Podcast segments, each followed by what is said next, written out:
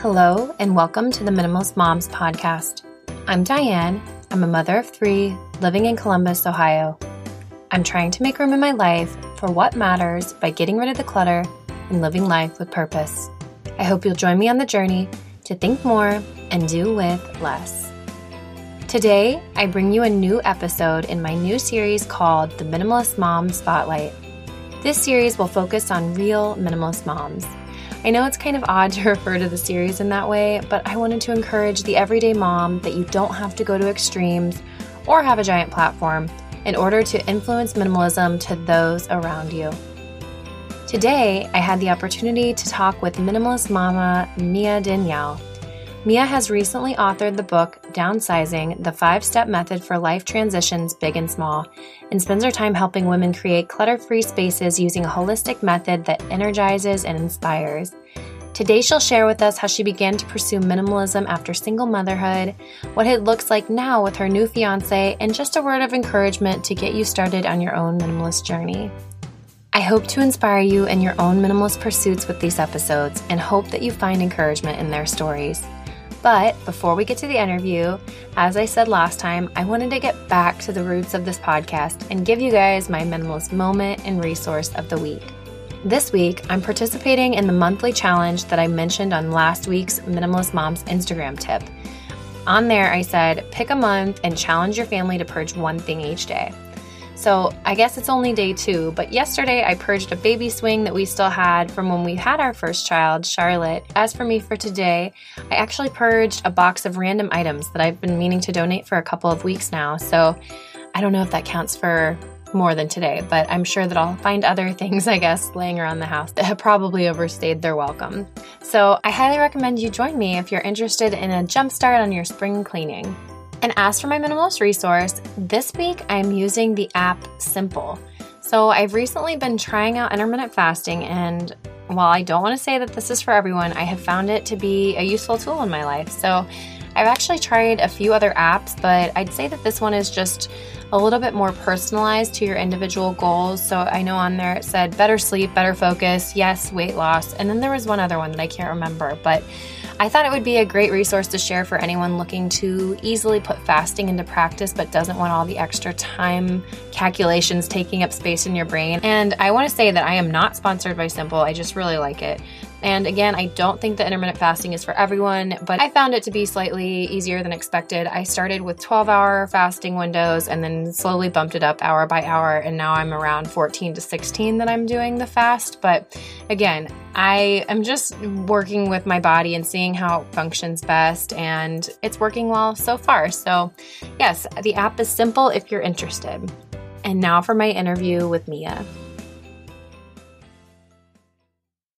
Mia, thank you for joining me on the Minimalist Moms podcast today. Thank you so much for having me. I feel honored to get to be on this podcast. I listen to you all the time and really good stuff. Oh, thank you. I appreciate that. Yeah, I'm really excited to have you as another one of our Minimalist Mom Spotlight features. And I just can't wait to hear more about your story and just what you have going on in regards to minimalism. So, before we get into all of that, I'm just curious to know a little bit about you and just if you could introduce yourself to the listeners, that'd be great. Yeah, definitely. Um, so my name is Mia. I go by Mia Danielle, and I've been uh, blogging. I have a podcast now all about creating clutter-free spaces, and specifically, um, I specifically try to use a holistic approach to get to the level of being clutter-free. So I work with women. I've been doing this for about four or five years now through uh, different trainings and courses, and um, you know, just through the blog and and the podcast. And basically, I'm all about helping you to create spaces that will inspire, energize, and support. And I feel like at the root of that, getting the clutter out has to be kind of ground zero starting mm. point. Um, I'm also a mom. I have uh, two daughters who are almost teens. I have a 12 year old and a 13 year. Uh, sorry, 11 year old and a 13 year old who are both about to have birthdays. And so we live out in Portland, Oregon, and that's my life. I'm so curious to see how my own pursuit of minimalism will change as my kids get older. I know that you just mentioned that you have older children, and maybe this is something that you can speak to as you're telling us about your journey into minimalism. But let's just go back to the start, back to the beginning. What prompted you to start pursuing minimalism in your life? So I guess I really started diving into this about six or seven years ago. I was, I just was in between jobs. So I just left the place that I had worked for a very long time. Um, I was just out of a, a relationship that I'd been in for a while, and everything just felt kind of raw. You know, it was one of those in between moments, one of those kind of whys in your life, like what's going to happen next kind of thing. Um, so I was a single mom, and, and my daughters were obviously a lot younger then. They were in elementary school. And I just needed a change. I feel like so many times when we make decisions like this, it's because we're in some kind of a, a transition or some kind of a position where we're like, something just needs to change. Mm. And for me, um, I mean, I remember standing there and looking around and thinking, okay, I'm going to start with my environment because I've I've always been somebody who um, is very in tune with my environment. Like it impacts me a lot, whatever spaces I'm in, and I think it impacts all of us. But for me, it definitely is is very impactful. So I just started I started on ground zero. I started going through my belongings. I started creating spaces. And, you know, it was not perfect at first at all. Um, but over the years, it just kind of morphed into this part of who I am, basically, um, this, this awareness of what I'm surrounding myself with. Yeah, I think that a change of environment is so impactful when we're going through a life shift and it's just something that you can control when other things feel a little bit out of your control. So that really makes sense to me that you'd begin there. I'm curious to know though, um, what did your kiddos think about the shift into minimalism during this time? Would you say that they were on board? Uh, yes, for the most part. I mean, of course, whenever you start going through kids' toys, especially when they're in elementary school, I feel like around those ages, kids really start to personally identify with their belongings a lot. Mm-hmm. So they'll have some that are like, you know, have personalities and it's almost like a person to them. So I had to, uh, that was a learning process when it came to their belongings, learning what to mess with and what to just leave alone because uh-huh. they always eventually will grow out of those attachments to the thing so I, that that was a process of trial and error you know made some mistakes and then was like you know well that's that's not worth it there are some things that I'm just not going to mess with.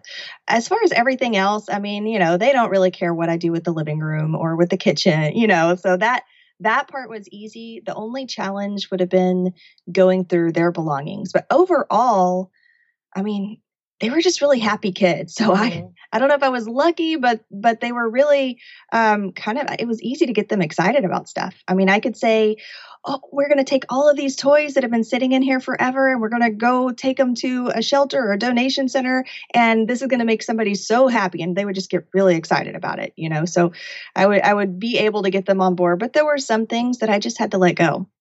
Yeah, I think that that's the tough part. As you begin to experience minimalism, you want to take control of everything and just everyone, I guess. But it's tough to do that because your children have their own autonomy in this area and they have their own ideas of what they want their lives to look like. Even if they're just four or five years old, they have their items that they want to keep in their room. So I think it's tough to navigate the boundaries on what you should and should not declutter. And I'm just, I guess I ask you that just because I'm really curious to know more about what it's looked like with trial and error. And I think that moms want to see what other moms are doing to see that it's okay to make mistakes and it's okay to not have complete control over this. And just, I think it's cool to see the way that other people are living out their minimalist pursuits with children of all different ages. But um, going back into you said at the time you were transitioning into single motherhood, but now you have a fiance. So I'm curious to know what has he thought about minimalism and your pursuit of it?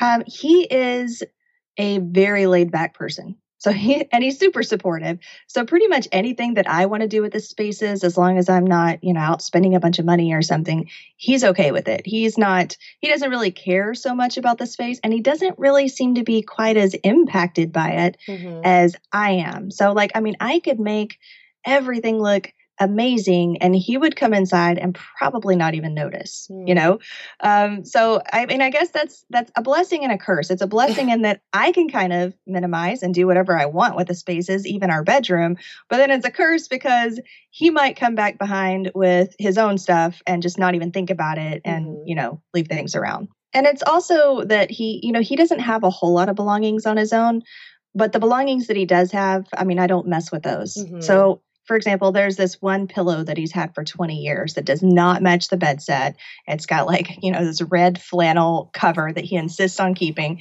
And that's just staying, you know, even though I, I don't think it looks great, it's a part of something that's important to him. So, you know, there, there are always little trade offs, but mm-hmm. for the mm-hmm. most part, you know, it's not a big deal. Yeah, I think that those compromises have to be there. And you're right. When you are combining two people's lives together, you you're right. There are going to be trade offs, and it is going to have to be made up of a lot of compromises.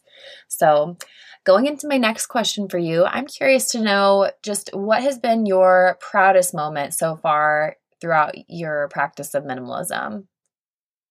I would say the proudest moment is when things started feeling more easy, and I can I can identify that as being the moment that I stopped feeling so overly influenced by all of the gurus out there, you know, because you get so much outside, you know, when you're starting to do research and you're looking at articles and videos and you're trying to figure out how to do this whole thing in a way that's, you know, the right way to do it and, and all of that. And I, I, I now get a lot of people coming to me like, well, what's the, the right way to be a quote, quote, authentic minimalist? How do I, how many things do I need to own?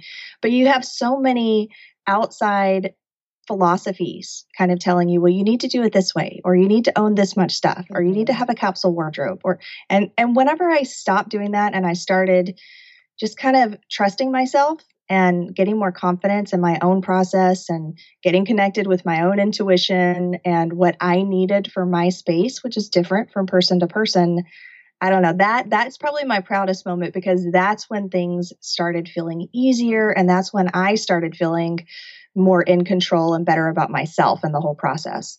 I think it's easy to compare yourselves to what you're seeing, especially with the curated feeds. We all know this at this point, but it is still hard to defeat that comparison. But I think that's really awesome that you, I, I just love that that's your proudest moment, that you felt secure enough in the way that you were doing things and you felt that freedom of living with less. So that's a really, I'm, I'm happy for you. that's exciting. Thank you. yeah. So now let's go into your minimalist confession. So, what is something that you have just struggled to condense and minimize in your life? So, when it comes to when it comes to belongings at this point, I I have very few emotional attachments to things. I mean, there are a few things that I'm like, you know, my wedding ring, obviously, I'm going to be keeping that. But for most things, it's not a matter of um, of, of being and have an emotional attachment or a mental attachment to it. It's just whether or not I'm using it. And I feel like mm-hmm. if I'm using it, then it's not technically clutter. But right now, I can tell you it's and it's not so much about learning to let this stuff go as it is about me putting off going through stuff. Mm-hmm. Uh, would be some bins that we have that are full of like things like um, tools and cords and wires. You know those dang cords. I feel like you'll need them for a while and then whenever you stop needing them or even they become obsolete and don't go along with any of your electronic equipment anymore they still just sit there because you're not constantly going through those things mm-hmm. so i probably have about at least two bins that i'm looking at right now that i definitely could stand to go through and get rid of some of that stuff. That is really hard to pare down some of that stuff. Those are things that you are finding that you might need, especially the cords. I just was using a cord the other day and I've never used it in the entire time that we've had it, but I actually needed it at that point. So it was so nice to have it on hand. But yeah, those are kind of the hard things to minimize. I want to transition really quick just to get to know you a little bit better. You have written a book called Downsizing, and I'm just curious as to how that came about throughout your minimalist process and why you decided to write that book. Sure. Um, so, downsizing, and, and the full title is Downsizing the Five Step Method to Life Transitions, Big and Small. And that's important because it really is all about downsizing for the different life transitions that we go through. So, when your kids go off to college, or when you have a new baby, or when the baby moves from a nursery to a kid's room, you know, like there's so many different transitions that require some kind of downsizing. You've got to do something with that stuff. Uh-huh. So my heart, whenever I wrote that, and it's all in the intro, is is based on what I was telling you earlier about that life transition that I had after divorce, um, you know, becoming a single mom, deciding what direction that I was going to go as far as not only, um, you know, raising my kids, but also career path and what I was going to do next. So that was a major life transition. And I feel like we all have some major life transitions and we have millions of tiny life transitions mm-hmm. that can mm-hmm. lead us to you know tons of different paths so this book is really all about a- approaching seven of the most common transitions that we go through and then how to downsize for them and of course it also attacks the emotions that are involved with these different types of transitions yeah, I wanted to be sure that we mentioned that because I totally agree with you. I think that we're constantly paring down, especially as mothers, because there are so many seasons and transitions of life. And so I think to say, I've minimized, I'm done, I'm a minimalist now, I don't think that that's probably right because you're constantly having to adapt and pare down more and more, or just more with every season that changes. So I I hope that listeners find that book helpful if they're curious on how it looks with each stage of life. And then, is there anything else that you'd like to leave listeners with? Just any word of encouragement as they pursue minimalism on their own? Yeah, just I would say, you know, before you start making decisions or going through things, just sit, take, you know, three really deep breaths and just trust yourself in this whole process. Just start where you can start, make some little changes. The little changes really do add up. And you don't have to be anything in particular. You don't have to have any specific results. Just get in, into tune with what it is that you truly want and why it is that you want it. And that's mm-hmm. always going to be the best starting place. Great. And then where can people find you if they are interested in connecting with you? Um, well, my site, which is kind of my central hub for everything, is miadanielle.com. I'm most active on Instagram, and my Instagram handle is a little bit tricky. I, I guess Mia Danielle was taken, but it's underscore Mia underscore Danielle. And then uh, I just finished my free training, but I'm probably going to be offering another one soon because I have completely re engineered my course, Clutter Cure, and it is now, as of yesterday, uh, available out into the world as well. So you're always welcome to check out my course, Clutter Cure. Great. Well, as we wrap things up here, I am curious to know the two questions that I ask every guest. And the first one is What is something you're simplifying right now? AKA, what is your minimalist moment of the week? Right now, the thing that I'm simplifying is my schedule. Um, I'm somebody who has a little bit of a, a difficult time sometimes with with not just attacking all of the things that I need to do at once and letting them kind of jumble in my brain. So I'm really trying to be intentional with minimizing, cutting out the things in my schedule that don't really need to be done. Um, and the way that I'm doing that is actually I have this bullet journaling practice that I started recently, and I'm finding it really therapeutic. It's a little bit artistic, a little bit of planning, but also it gives me something visual to look at to see, okay, what do I really need to be working on right now mm-hmm. to achieve what I'm working toward. So that's one thing that I'm really intentionally working on simplifying. Yeah, the schedule makes such a difference when we start to minimize that, just the free space, not only in our day to day, but in our minds. And then, what is something that you can't stop talking about? Um, well, aside from aside from the course that came out that I've been kind of I've, I've been incessantly talking about all this past week, especially through my launch, one thing that I keep reiterating and keep bringing back up to my audience is that it's not just a physical act of decluttering, mm-hmm. but it mm-hmm. really is a holistic act. It's a holistic approach. You know, you have a thought that leads to an emotion, that leads to an action, that leads to your environment. So when you're making these changes, it's it's really important that you start at step one with your mind and you kind of work through the steps. So that's something that I've been teaching a lot here lately. So I would say I've definitely been um, been talking about that quite a bit. Great. Well, thank you so much for talking with me today. I hope that listeners come connect with you and see what your new launch is all about. I just appreciate you taking the time to come on the podcast today. Thanks for having me. I really appreciate this. This was fun. What did you think of my second Minimalist Mom Spotlight interview? I hope that you found some inspiration in Mia's story. And if you or someone you know would be interested in being a guest on the show, send me a message via email or Instagram. I wish you a lovely week as you think more and do with less.